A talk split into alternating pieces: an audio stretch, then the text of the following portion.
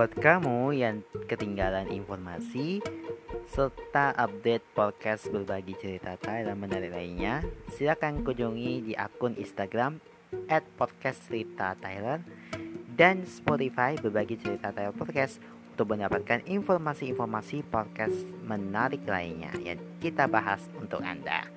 Jangan lupa juga untuk selalu follow akun Instagram at mata underscore underscore dan Twitter at Demata Saputra untuk mendapatkan informasi mengenai program-program unggulan lainnya. Selamat mendengarkan.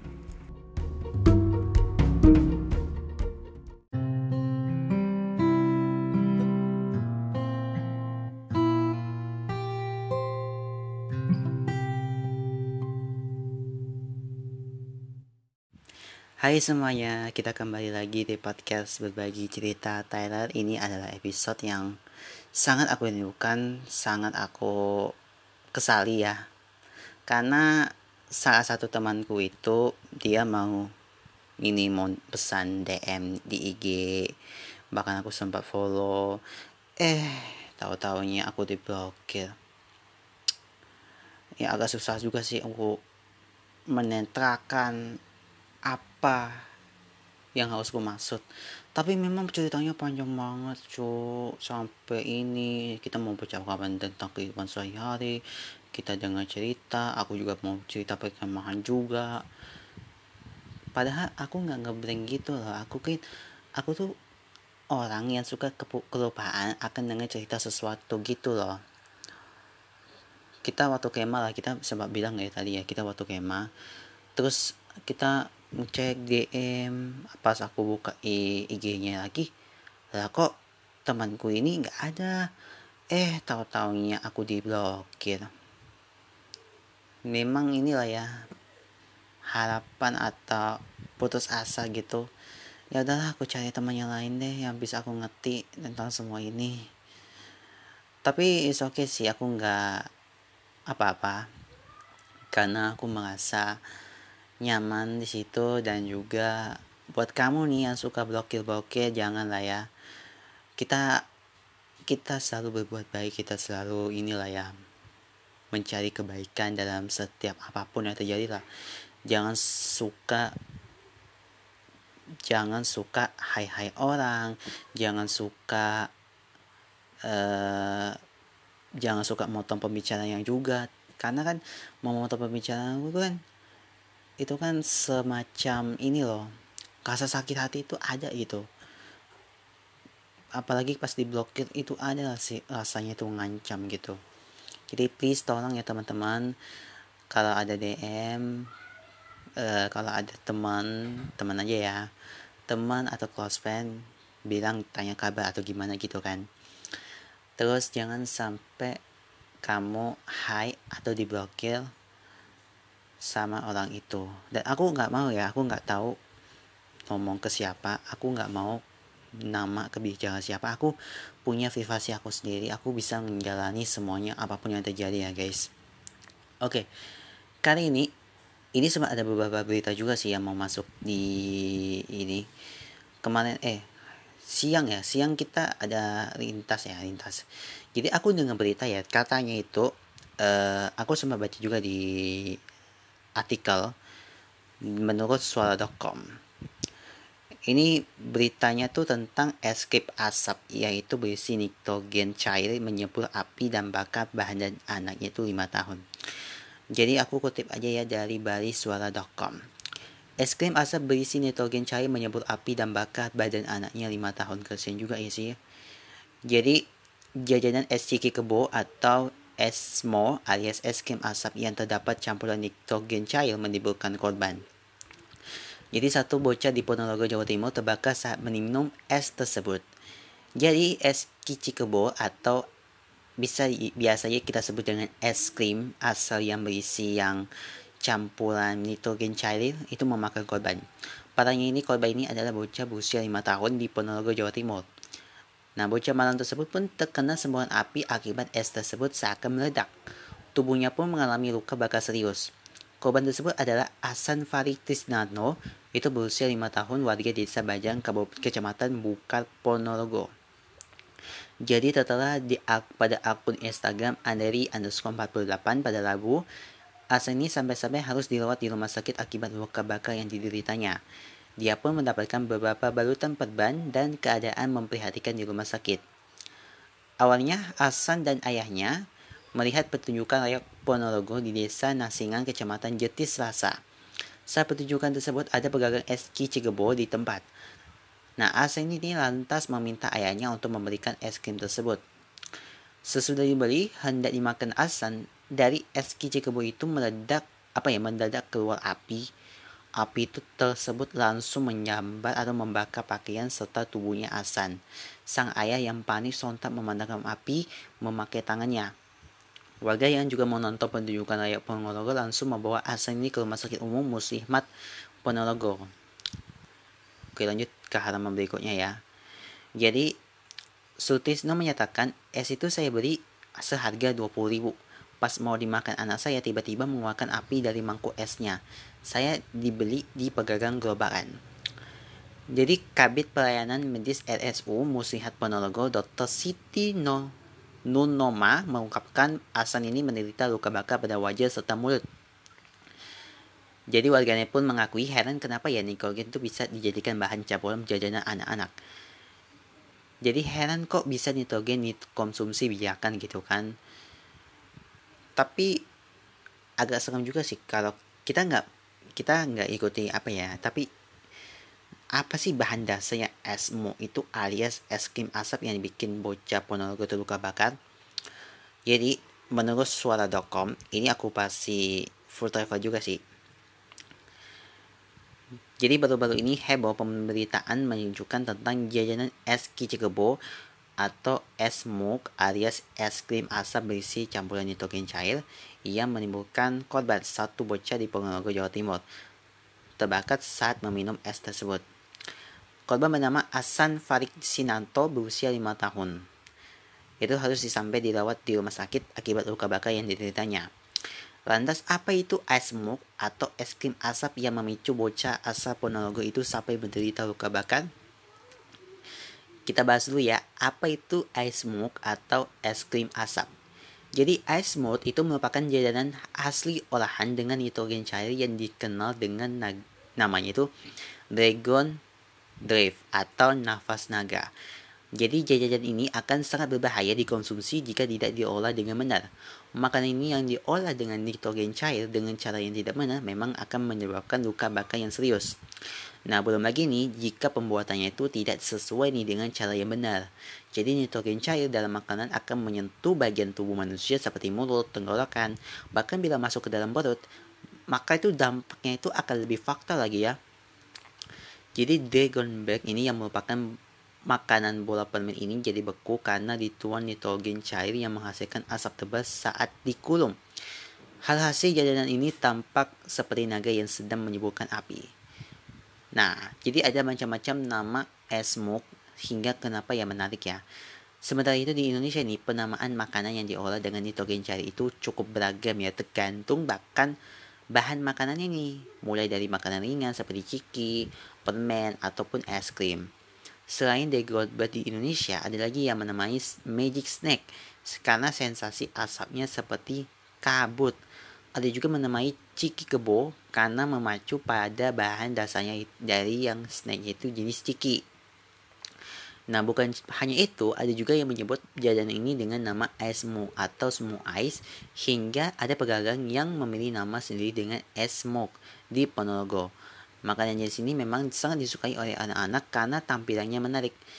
Jadi bahan dasar makanan ini baik permen maupun snack kerap dipilih berwarna-warni nih dengan asap yang menepus seperti asap es krim, es krim ya ya. Hal inilah yang membuat ini jajanan ini banyak dilirik konsumen. Bahkan bukan hanya anak-anak loh, remaja serta dewasa pun dibuat penasaran dengan sensasinya ini. Oke itu sih dari ini. Tapi aku coba agak yang miris juga sih ini. Kenapa ya? Oke, kita mau bahas juga ya, recheck fakta. Kita tanya dulu ya komentar warga tentang uh, terkait dengan apa namanya uh, makanan Cikegebo ini atau es es muk ya ini kutip aja deh dari akun IG Liputan 6 liputan 6.com ya. Aku sempat ada beberapa komentar. Oke. Kita buka dulu ya.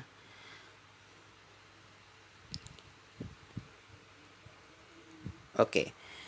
Kalau kata ini nih kata warga nih ini akibat ngetren akhirnya banyak pedagang abal-abal yang ikut jualan. Entah pakai campuran apa pasti nggak murni nitrogen cair. Karena ber, kalau benar nitrogen cair nggak mungkin terbakar. Perlu diselidiki itu pedagangnya oke. Terus ada juga nih yang komentar juga nih. Uh, iya. Nah kalau kata ini nih Sebetulnya makanan ini sudah lama ada loh. Saya sudah pernah coba yang Singapura 4 tahun lalu. Namanya itu pas napas naga. Itu proses pembuatannya ya itu salah. Mungkin masih jadi kurang paham gitu. Kalau kata Mas ya, pas berarti pas berpindah tangan ada yang sedang menyalakan rokok nitrogen itu kan mudah terbakar ya ingat aja nitrogen oksida atau gas ketawa yang buat film Too Fast Too Furious wow Iya sih.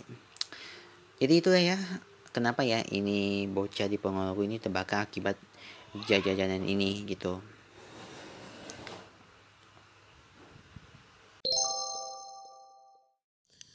Selamat datang di podcast berbagi cerita Tyler bersama saya Menaka Saputra dan temanku Tyler King dan sekarang sudah ada di Spotify jadi kalau kalian dengarkan ini jangan lupa untuk follow dan bunyikan lonceng supaya kamu nggak ketinggalan episode terbaru dari kita. Dan jangan lupa untuk follow akun Twitter dan juga Instagram kami ya. Oke, kali ini kita membahas segmen cerita horor dan cerita horor kali ini akan membau suasana sekolah ya semenjak pandemi. Nah, langsung saja yuk kita dengerin ceritanya. Sekolah semenjak pandemi. Sore itu saya akhirnya diperbolehkan untuk kembali pulang usai bekerja paruh waktu. Karena jam sudah menunjukkan pukul 7 kurang, saya mempercepat langkah saya agar bisa mengejar waktu untuk sholat maghrib. Entah karena tidak fokus atau kerja kelelahan tanpa saya sadari, tiba-tiba saya tiba-tiba saja saya berpapasan dengan sebuah keluarga yang entah datang dari mana. Baru pulang pak, tanya ibu tersebut. Iya. Ujar saya sambil mengaku. Mau ke mana bu? Ibu itu tidak menjawab pertanyaan saya. Dia hanya tersenyum, lalu pergi begitu saja melewati saya bersama keluarganya yang mengikutinya dari belakang. Karena sudah malam, saya memberikan ibunya tersebut pergi sekali, sekalipun ia tidak menjawab pertanyaan saya.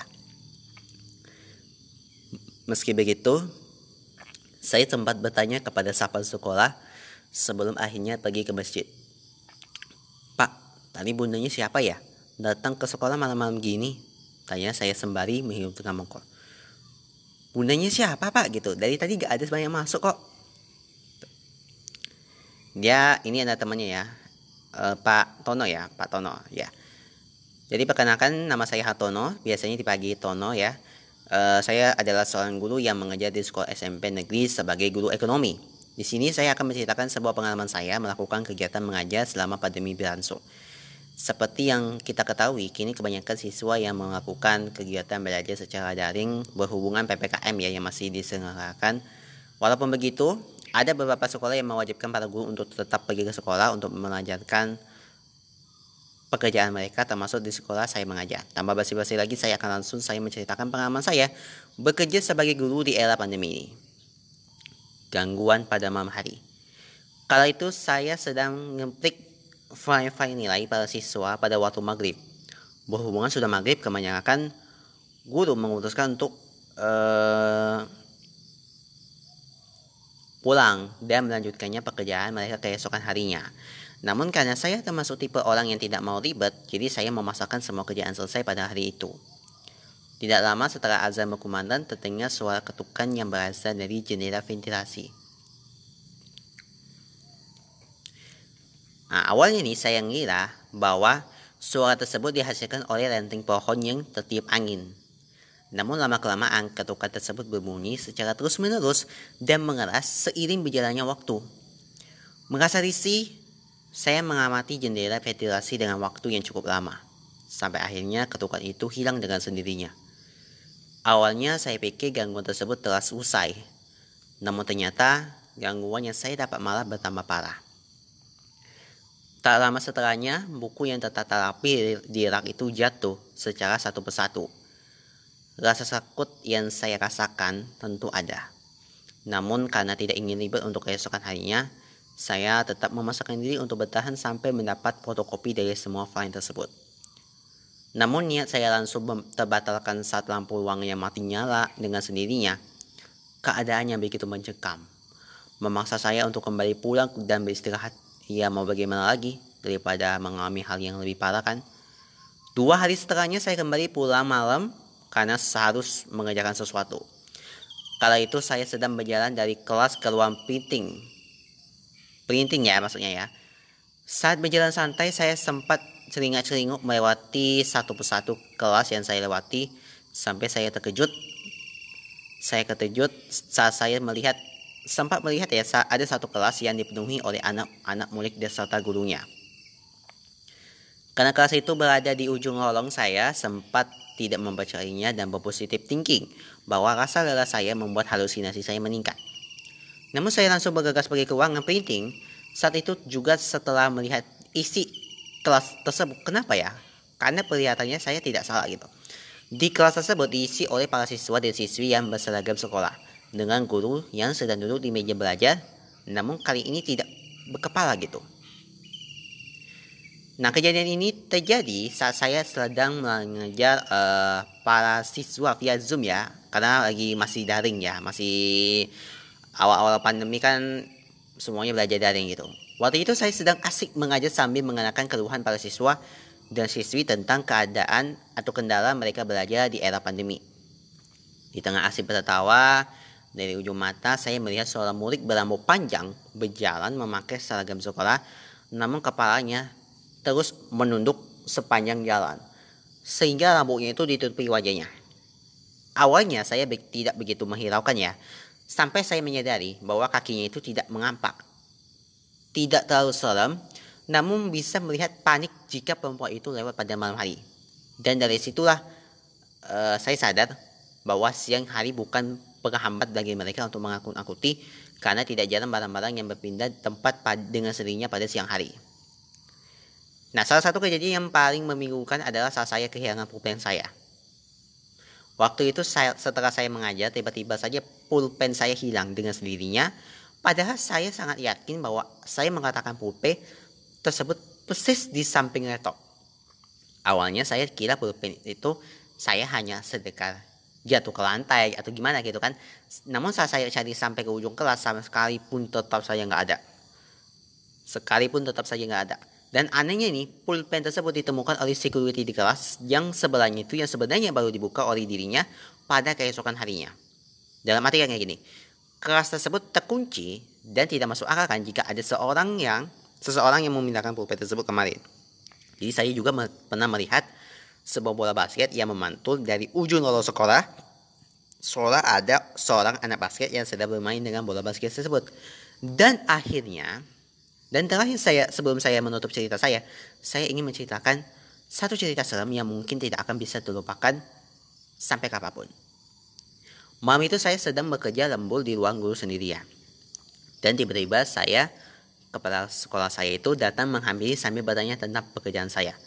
Kali itu beliau bertanya, ini tugasnya sudah selesai atau belum? Belum pak gitu. Karena tidak ingin berlama-lama, saya kembali melanjutkan pekerjaan saya yang entah selesai kapan. Tidak lama setelahnya, saya mendengar suara tawa yang sangat berat dari belakang. Awalnya nih, saya mengabaikan suara tawa itu karena saya mengira bahwa tawa tersebut berasal dari kepala sekolah. Namun saat saya mengoleh ke belakang, saya malah melihat ada sosok hitam besar dengan wajah yang begitu hancur. Setelah sosok tersebut menyadari bahwa saya melakukan apa, apa ya, membuat eye contact dengannya, sosok tersebut tertawa begitu kencang sampai membuat lampu ruangan di situ mati. Tidak sanggup melihat kengerikan tersebut saya langsung balik keluar tanpa mempedulikan laptop saya yang masih menyala. Tidak sanggup melihat keringat tersebut ya. Saya langsung aja berlari keluar tanpa mempedulikan laptop saya yang masih menyala. Dan berujung ditemani security sam sampai saya selesai bekerja. Sebenarnya sih masih banyak ya kejadian-kejadian mistis yang saya alami tapi menurut saya sisanya tidak begitu seram ya. Sehingga tidak saya tidak tertarik untuk menceritakannya Sekian dari saya ya. Sekolah semenjak pandemi menurut aku sih agak seram, bukan seram sih. Ini ada beberapa kejadian juga ya waktu kita lagi uh, tidur ya. Karena kan aku lagi malas ya. Kalau soal aku sih kalau harus atas ke atas gitu. Tidurnya itu harus ngadap ke atas. Gak boleh ngadap ke bawah. Ya. Kalau karena ngadap ke bawah ada hantu di situ, ya. Jadi harus ngadap ke atas. Awalnya sih saya itu sebenar. Tapi lama kelamaan saya terbuka waktu itu ketika ada mimpi. Mimpi itu katanya aneh gitu kan. Mimpi itu uh, mimpi itu ada seorang perempuan di tempatnya itu ya tempatnya itu di pegunungan saja ada tempat perempuan seorang perempuan ini kayaknya di lari ya lari kejar sama aku ternyata itu malu aku tersadar baru tidur tuh itu paling menyulitkan aku yang pernah. Habis tersadar ya aku nyuci muka lagi gitu tidur lagi. Habis itu itu mimpi yang terburuk saya yang paling alami ya karena saya tidak mau uh, menceritakan yang uh, ini. Oke. Okay. lanjut. Kita masuk ke cerita villa angke puncak. Jadi hati-hati ya dalam memilih penghingapan. Nah ini giliran teman kita nih Mbak Gita nih yang akan berbagi pengalaman horor buat teman-teman pembacanya saat keluarganya ikut dalam acara mini touring komunitas keluarga ojol ke puncak dan menyewa sebuah villa tua di sana. Sebenarnya acara tersebut diadakan bertepatan menjelang acara libur tahun baru. Tahun 2017, niatnya liburan mini touring untuk bersenang-senang melepas penat eh kok malah pulang ke Jakarta membawa oleh-oleh yang tidak diinginkan. Nah bagaimana ya kisah selengkapnya? Langsung saja kita mulai cerita selengkapnya.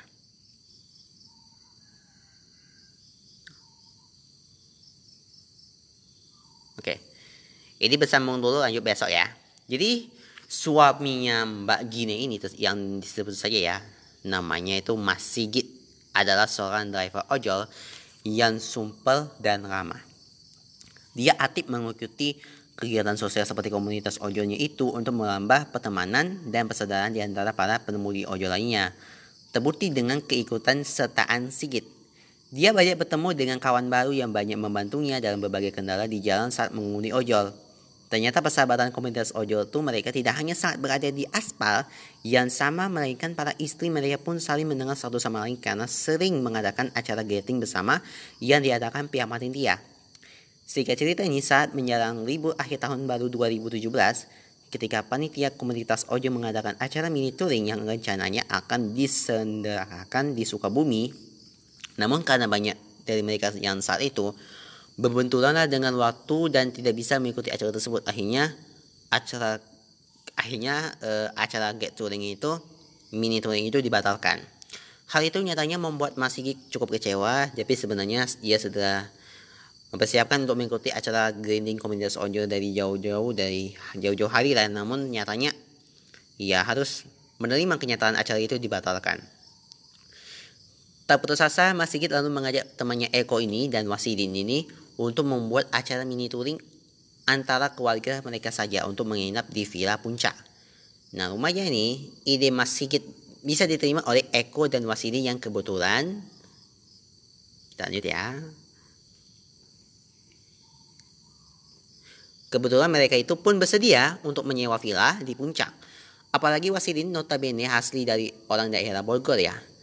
Yang tapi saat itu tapi saat itu dia sudah tinggal sudah lama kali di Jakarta ya guys sama anak istrinya. Dia paham tempat-tempat yang akan mereka singgahi nanti ketika mini touring ke puncak tersebut berikut penginapan.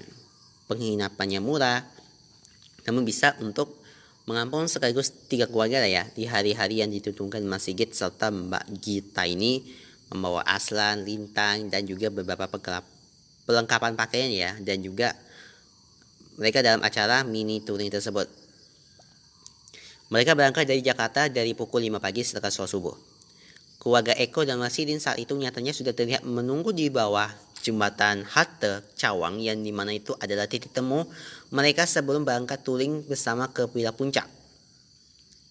Nah, aba-aba dari Mas Wahidin. Sebelum touring seperti biasa guys, kita berdoa dulu ya gitu.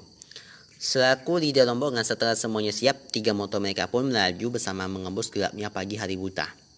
Oh ya teman-teman, di sini aku ceritakan dulu ya. Jadi urutannya itu yang pertama moto was, Mas Wahidi, Wasidin ya dan istrinya itu serta anaknya itu berusia 7 tahun. Yang kedua itu motonya Mas Sigit yang membawanya Mbak Gita Lintang satu setengah tahun dan Aslan lima tahun. Nah posisi yang terakhir ada Mas Eko sama istrinya yang ha, yang lagi hamil 6 bulan. Mereka melanjutkan motonya dengan kecepatan normal sambil menikmati perjalanan mini touring sambil sampai ya dengan masuk kawasan puncak. Namun apesnya, perjalanan menyenangkan mereka kini berubah karena macet ya, yang disinyalir penutupan buka tutup arah ke puncak dari kota Bogor. Keadaan lalu lintas saat itu sangat padat, benar-benar sampai tidak bisa bergerak. Tak terasa sudah hampir dua jam mereka terjebak macet. Lintang anak balita Mbak Gita pun semakin lewer, apalagi perlahan panas terik sinar matahari pagi mulai muncul. Belum lagi ketika mis, istrinya Mas Eko ini, Mbak Arum ya yang sedang menandung enam bulan itu kebolak ini buang air kencing buang air kecil ya maksudnya ya FYI guys itu kalau sudah masuk ke fase kehamilan 5 bulan ke atas biasanya bumi itu bumi itu memang intensitas buang air kecil itu semakin sering ya iya jalan dan bahkan sampai nggak ketahan gitu tumba kita kayaknya kita nggak bisa deh nurusin sampai ke daerah ke sana ini baru mau naik ke puncak saja udah kejebak macet parah gini. Anakmu lintang kasihan mbak nangis terus karena kepanasan. Aku juga sendiri tadi nahan mau buang air kecil sudah benar-benar di ujung tanduk gitu. Ucap Mbak Arum membuka percakapan. Tuh gimana nih ah kasihan Mbak Gita sama Mbak Arum tuh. Apa punya cara lain gitu kan? Tanya deh Puspa sambil berbisik-bisik pada suaminya mendengar percakapan antara Mbak Gita dan Mbak Arum ini. Mas Wasidin lalu menganggukkan kepala mengerti akan maksud istrinya itu. Kemudian sambil sebagai leader yang ia selalu lalu memberikan apa-apa kepada Mas Sigit dan Mas Eko. Git, Eko, sepertinya kita ganti ke plat B deh. Aja gini kan. Tadinya aku mau ngajak kalian nginep ke di Villa Puncak dekat Bukit Bintang itu. Tapi karena keadaan darurat begini kita cari penginapan lain lah deh. Ya kita sih ikut Kak Iding aja deh Kan kan Iding yang lebih paham dari Bogor. Jawa Mas Sigit lalu memberi isyarat jempol oleh Mas Eko. Ya udah deh, sekitar 500 meter lagi ada masjid di, di depan dan tepat di depan masjid itu ada jalan alternatif yang mau ke arah Sentul. Kita nanti belok sana aja ya. Di sana pun seingatku banyak villa penginapan juga yang pemandangannya akan bagus itu. Dan selalu lah Mas Wasidin atau akab dipanggilnya Kang Idin ya. Setelah 30 menit motor mereka mencoba selap-selip dari kemacetan dan akhirnya jalan alternatif yang dimaksud pun kelihatan. Mas Wasili itu melambaikan tangan kirinya sebagai tanda inilah jalan yang dimaksud agar dua teman itu tidak sampai salah jalan. Nah beruntung saja jalan alternatif yang dipilih Mas Wasili ini nyatanya banyak orang yang belum tahu. Mereka pun kembali menikmati perjalanannya walaupun kondisi jalan alternatif tersebut agak rusak, sempit dan juga berkelok-kelok. Tidak lama kemudian, kepenakan mereka selama di perjalanan pun dibayar dengan pemandangan hamparan kebote di sisi kiri jalan yang benar-benar memanjakan mata. Sepanjang perjalanan tersebut, nampak jarang terlihat ada rumah-rumah warga yang hanya ada melihat terlihat ya ada beberapa bangunan-bangunan yang rumah tingkat yang disewakan sebagai villa gitu. Nah, Mas Wasidin yang sang leader ini beberapa kali terlihat turun dari motornya untuk menanyakan berapa harga sewa villa tersebut. 2 juta kan harga sewanya soalnya ada kolam berenang di dalamnya gitu. Nah Mas Wasidin mencoba menego si penjaga villa tersebut. Namun dia masih bersikeras sehingga Mas Wasidin itu kembali memberi aba-aba untuk melanjutkan kembali perjalanannya untuk mencari villa sesuai dengan budget yang disesuai. Dengan budget yang sesuai maksudnya ya. Sebenarnya si Wasidin sendiri tidak tahu apakah selain dari villa tujuan utama itu masih ada kafilah lain yang bisa mengampung keluarga mereka semua dengan budget yang sesuai. Pertanyaan itu terus muncul di benak Mas Wasidin setelah mencoba hampir menyigai lima villa yang ada di sana. Dari kelima villa tersebut rata-rata e, mereka memasang tarif sebesar 1,8 juta sampai 2,5 juta ya ada ada ada pula ya penginapan semacam hotel gitu deh dengan harga per kamar itu 450 ribu sehari. Tapi menurut Mas Eko dan Mas Sigit mereka keberatan jika mereka tinggal di penginapan seperti hotel. Hostel ya maksudnya ya. Enggak ah, seru dong kan ini kalau jauh-jauh ke puncak cuma di hostel kayak gini mana mahal lagi. Kan rencananya kita mau nginep di villa Kang. Pas nanti malam tahun baru kita bisa bakar-bakar jagung sambil menikmati kembang api gitu ucap Mas Sigit akhirnya mereka kembali memacu kendaraannya mencari penginapan lain yang sesuai dengan budget mereka. Sehingga secara tidak sengaja Mas Sigit kemudian memunikan mukalasut empat kali ke mana Wasidin. Wasidin itu lalu menenangnya motornya dan mengoleh ke belakang. Dari arah belakang Mas Sigit memberi isyarat tangan yang menunjukkan ke arah kanan, kanan jalan ya. Jadi Mas Wasidin itu lalu menyadari jika yang dimaksud Mas Sigit adalah adanya yang villa yang disematkan. Tak menyerah, Mas Wasidin kembali mempertanyakan harga sewa villa tersebut selama tiga hari dua malam. Satu lima juta yang saja Kang. Di dalam ada empat kamar tidur, dua kamar mandi, ada billboard, berial gitu kan, dan ada kolam renangnya juga. Jawab si pen, pengurus villa ini. Nah, Mas Wasidin ini mencoba menego harga kepada penjaga villa tersebut hingga akhirnya berhasil deal di harga 1,5 juta 1,5 juta ya. Si penjaga villa tersebut saja namanya Mang Cecep yang dengan segera membuka pintu gerbang rumah villa dan setelah pintu gerbang terbuka barulah terlihat villa berlantai dua dengan gaya bangunan rumah lama tahun 1990-an berwarna putih Nah, rumah villa tersebut nampaknya terlihat masih kokoh, bersih, dan terawat ya. Sama sekali tidak ada kesan seram dari luar bangunan villa. Namun begitu pintu rumah terbuka, barulah muncul semilir angin yang membuat bulu kuduk Mbak Gita merinding dan hawa lembab. Ini kunjungnya kalau ada apa-apa bisa telepon atau WA saja ya aja ya. Nanti tiga hari berikutnya saya ke sini lagi waktu sewaktu kalian check out gitu. Nah ucaplah Mas Ecap sambil menyalakan secari kertas dengan nomor beliau kepada Mas Wasidin lalu berpamitan pergi. Nah, di rumah di dalam rumahnya villa, semua perabotan nampak terlihat bersih dan rapi. Namun anehnya, dari semua perabotan di dalam villa tersebut, sepertinya perabotan tahun 1990-an balik dari sofa, tempat tidur, spray, televisi, kulkas, lain-lain. Setelah mata Mbak Gita asik bergeria mengamati isi dalam rumah tersebut dan tiba-tiba ia seperti merasa tertarik untuk melihat ke bagian belakang villa yang mana ada sebuah kolam renangnya gitu. Mbak Gita lalu duduk-duduk di pinggir kolam renang sambil sesekali tangannya memainkan air kolam renang tersebut. Entah mengapa tiba-tiba saja ia jelas mendengar suara alasan yang berteriak, Mama tolong, Mama tolong gitu. Mbak Gita lalu terenyah dan baki berdiri ia memastikan apakah benar itu adalah suara asal anaknya. Dan Mbak Gita kini kaget ya bukan mainnya. Melihat di tengah kolam renang suara ada Aslan anak laki-lakinya yang tenggelam Aslan Aslan astagfirullah ya Allah tolong Mas Igi tolong Mas Aslan tenggelam di kolam renang gitu Mbak Gita teriak Mbak Gita masuk ke dalam rumah untuk mencari pertolongan. Jadi menurut pengakuan Mbak Gita, ia juga tidak bisa berenang ya guys. Makanya langsung berlari mencari pertolongan saat melihat anaknya tiba-tiba tenggelam. Mama kenapa? Kok panggil-panggil Aslan? Tanya polos anaknya itu yang baru saja turun dari lantai dua. Mbak Gita bingung, padahal ia benar memang benar-benar melihat Aslan anaknya tenggelam di kolam barusan. Bagita yang sudah tidak bisa berkata-kata apa-apa lagi, ia hanya bisa langsung melangkuk anaknya itu sambil tubuhnya itu bergetar hebat ketakutan. Dia mencoba mengecek ke kolam berenang itu, namun memang memang ya benar tidak ada Aslan anaknya di situ.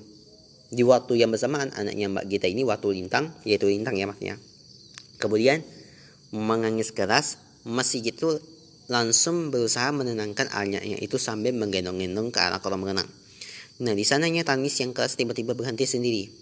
Sadar akan anaknya Lintang yang sepertinya menyukai air, Mas Sigit lalu mengajak Lintang bermainan air kolam renang agar ia tidak rewel. Nah, secara mengejutkan ya, tiba-tiba tangan mungil Lintang itu yang menunjuk ke arah tengah kolam renang sambil berucap, yuk, itu, itu gitu. Dan langsung ia menutup kedua matanya dengan tanah mungilnya. Masih sadar bahasa tubuh anak itu. Biasanya sih jika anak yang lintang sedang ketakutan, ia akan selalu menutup kedua matanya dengan tangannya. Adik kenapa? Takut. Tapi dedek ngomong apa sih? Dek, itu apaan dek? Gitu. Ucap Mas Sigi kepada anaknya. Beranjak ke sore hari. Menjelang badak maghrib. Tubuh Mbak Arum menandak menggigil semua jelas menjadi panik apalagi suaminya Mas Eko. Mas Eko ini ditemani oleh Mas Wasidin pergi mencari apotek terdekat sekalian untuk mencari makan malam untuk mereka. Sedangkan Mas Sigit diam di rumah mengasuh anaknya Lintang dan ternyata masih saja rewel menangis dan terus menangis ke, di kamar. Kamar lantai dua ya.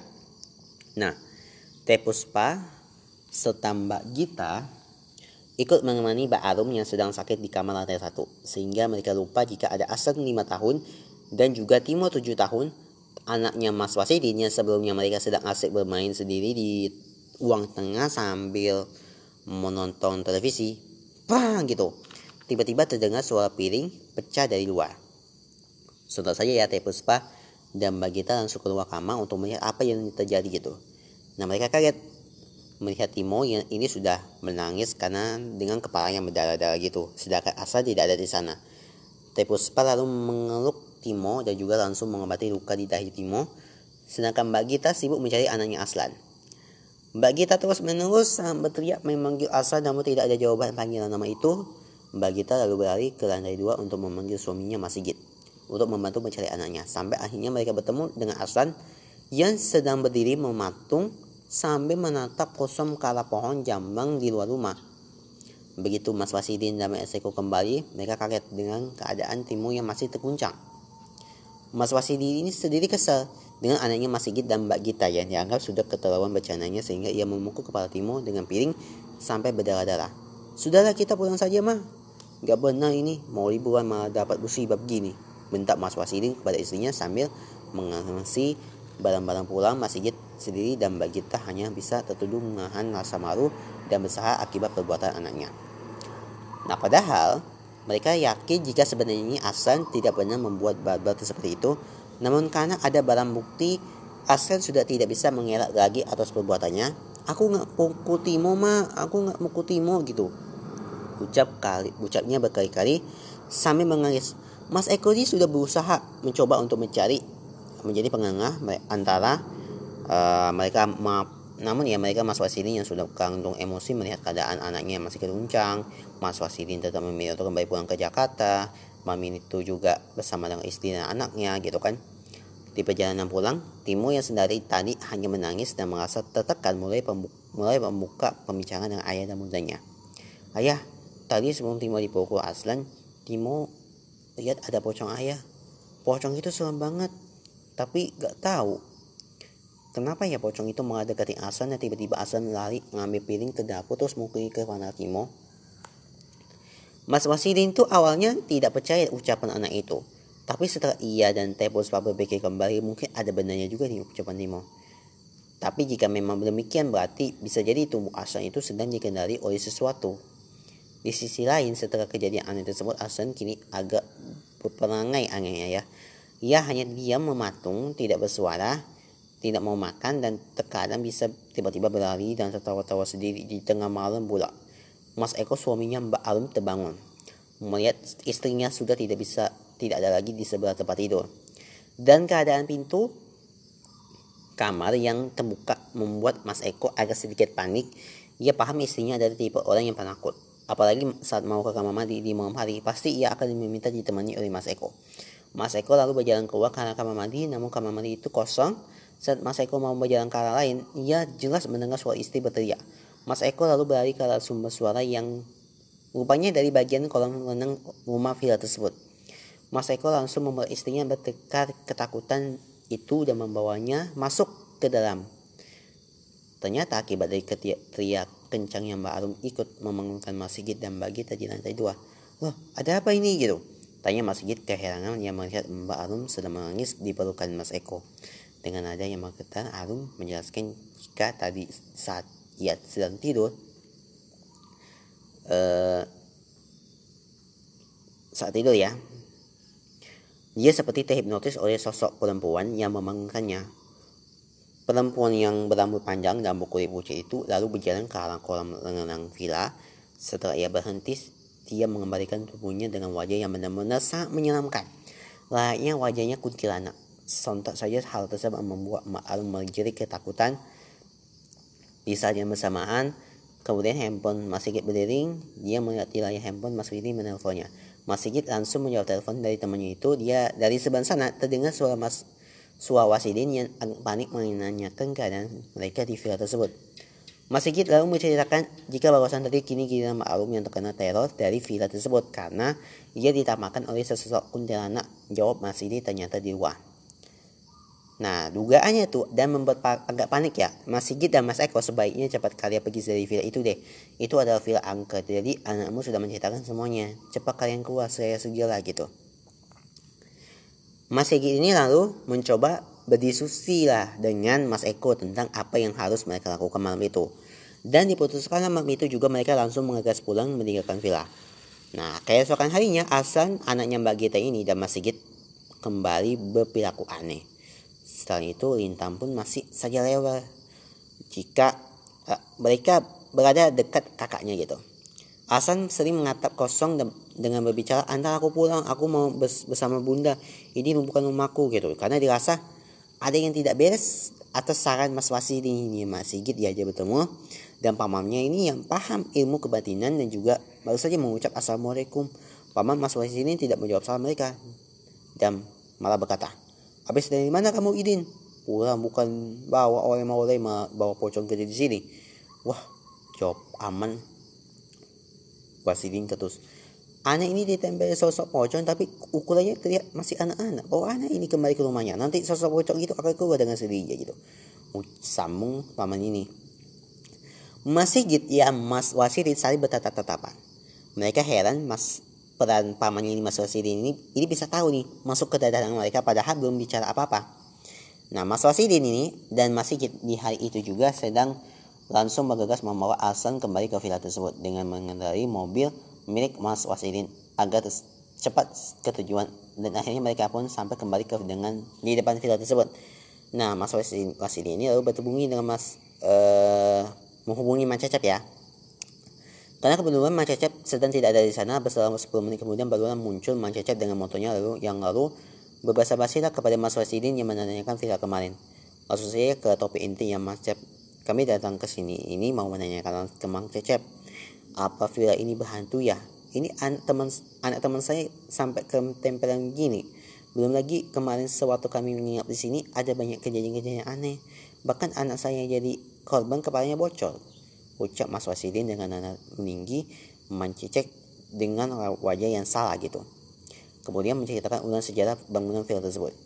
Jadi villa itu adalah milik Pak Yusli atau akrab dipanggil Pak Ius. Jadi Pak Ius ini tadinya adalah pemilik kebun teh yang wilayahnya sampai berheta-heta. Selain memiliki kebun teh, Pak Ius memiliki usaha lain, yaitu memiliki pabrik penggilingan tersendiri. Oleh karenanya sebuah peristiwa si penjaga villa pun tidak tahu kenapa pastinya ya. Cuma desas-desus kabar yang beredar Pak Ius itu terlirik utang. Nah usaha pabrik milik Pak ini Pak Ius ini, ini dibukukan dan semua tanah di perkebunan milik ini tersita oleh bank gitu. Aset yang tersisa kini hanya rumah yang Pak Ius yang juga hanya dalam proses penyitaan bank sedangkan kendaraan mobil juga sudah terhabis terjual gitu. Dalam masa putus asa, Diam-diam istrinya ini dikabarkan mengikuti pesugihan untuk keluar dari kemulut dalam kemulut dari uh, pihak ekonomi gitu ekonomi mereka ya. Dan pada akhirnya rumah tersebut tidak jadi dilelang oleh pihak bank dan keadaan keuangan Pak Yus uh, yang sebelumnya mulak malik kini kembali berjaya lagi. Namun namanya terikut dalam perjanjian uh, perjanjian setannya ya, pastilah ya ada harus yang, harus yang dibayar. Anehnya Pak Yus yang berumur 9 tahun ditemukan tewas tenggelam di kolam renang. Nah sang istri yang terguncang dengan kematian anaknya itu tak lama ikut ditemukan tewas mengacun di kamar lantai 2. Setelah kedua kejadian nangas tersebut, baru diketahui istri Pak Yus itu ikut perjanjian iblis dari surat yang ia tulis.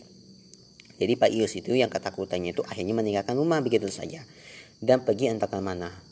Sebelum Pak Yus pergi, ia memang sempat mengirimkan pesan kepada Mang Cecep karyawan setianya untuk menjaga rumah tersebut ya. Jadi Mang Cecep yang sudah mempunyai rumah uh, ia menjadikan rumah Pak Yus sebagai rumah villa yang disewakan kepada tamu-tamu yang beribu ke puncak. Sedangkan hasil dari uang sewa tersebut dijadikan sebagai gaji dari Mang Cecep dan biayanya untuk perawatan rumah villa itu sendiri. Jadi Mang Cecep itu mengungkapkan sebenarnya memang banyak ia mendengar hal-hal semacam itu. Dari para tamu yang menginap di rumah villa milik Pak Yus ini. Dari mulai kesurupan kuntilanak, melihat pocong anak kecil, melihat suara tawa anak kecil gitu kan benda-benda yang tiba-tiba bergerak sendiri bahkan bahkan sampai ada yang kejang-kejang karena ketakutan ditampakkan oleh sosok penunggu rumah villa. Nah, mendengar hal itu, Mas Wasidim sampai terana mendengar pengakuan Mang Cecep si penjaga villa tentang asal muasalnya rumah bangunan tersebut itu. Pada saja ya jika rumah villa tersebut angker yang bisa jadi awak istri Pak Yus itu dan anaknya juga koning-koning setan yang masih terikat perjanjian yang masih bersemayam di sana. Jadi Mas Wasidi itu lalu menelpon pamannya dan mengabarkan jika kini mereka sudah kembali ke rumah villa tersebut. Terlihat Mas Wasidi mengangguk-angguklah kepala sambil berkata iya dan ia saja sampai pada akhirnya telepon itu ditutup gitu. Nah, bagi kita ditunggu di mobil saja, biar aku saja masih gitu dan Asan yang masuk ke rumah villa itu kembali gitu. Tadi aba-aba dari pamanku harus seperti itu loh. Nah, ucaplah Mas Wasidi menahan Mbak Gita gitu. Ada wasah was-was gitu dari wajah Mbak Gita, namun ia hanya bisa mempercayakan kepada Allah saja supaya keluarganya selalu dilindungi dan dari gangguan syaitan yang tertutup dengan cara berdoa. Setelah melakukan, setelah mungkin yang menunggu di dalam mobil sekitar 15 menit, terlihat mereka kembali ke lagi ke sambil menggendong Aslan yang terlihat pucat dan lemas. Menurut Mas saat di dalam villa Aslan ini diberikan segelas air yang sudah didoakan Anas, Afalak, dan air kursi. Begitu Aslan meminum air itu, seketika Aslan itu langsung muntah-muntah. Mas Wasili itu menelpon mamanya kembali dan sang pamannya itu menjawab jika sosok pocong anak kecil itu yang mengikuti Asun sudah pergi. Efek mual dan muntah itu yang adalah efek yang jika ada hal yang negatif dan hawa negatif di dalam tubuh itu keluar. Jadi bisa dibilang itu ada reaksi tubuh yang wajar. Akhir cerita setelah dari kejadian horor itu, Asa sendiri sampai sekarang masih menjadi anak yang penakut. Ia bahkan takut jika takut sendirian padahal sebelumnya Aslan tidak sepenakut itu. Aslan berkata jika ia saat di villa itu melihat ada banyak hantu dan salah satu hantu yang memuatnya ketakutan adalah sesosok kuntilanak dan bocor anak kecil yang sempat mengasuki tubuh Aslan. Nah, oke okay guys, mungkin segitu dulu kisah horor kali ini. Niat hati mau liburan malah jadi bawah oleh-oleh diikuti oleh pocong anak kecil ya. Jadi buat teman kalian teman-teman berhati-hati ya dalam memilih penginapan ya dan pastinya di mana pun kalian berada harus selalu iring sama Tuhan agar terhindari dari hal-hal yang tidak inginkan. Sekian. Oke, sekian dulu ya episode kita kali ini. Mungkin ada cerita horor juga ya, penginapan lah, terus juga ada cerita horor lainnya. Nah pasti kita akan pasti menceritakan pengalaman yang pastinya seru dan juga menghibur ya sama kalian ini. Dan jangan lupa untuk follow akun Spotify dan bunyikan lonceng supaya kamu gak tinggal episode berikutnya. Dan sampai jumpa lagi di episode berikutnya. Sampai jumpa. Bye-bye.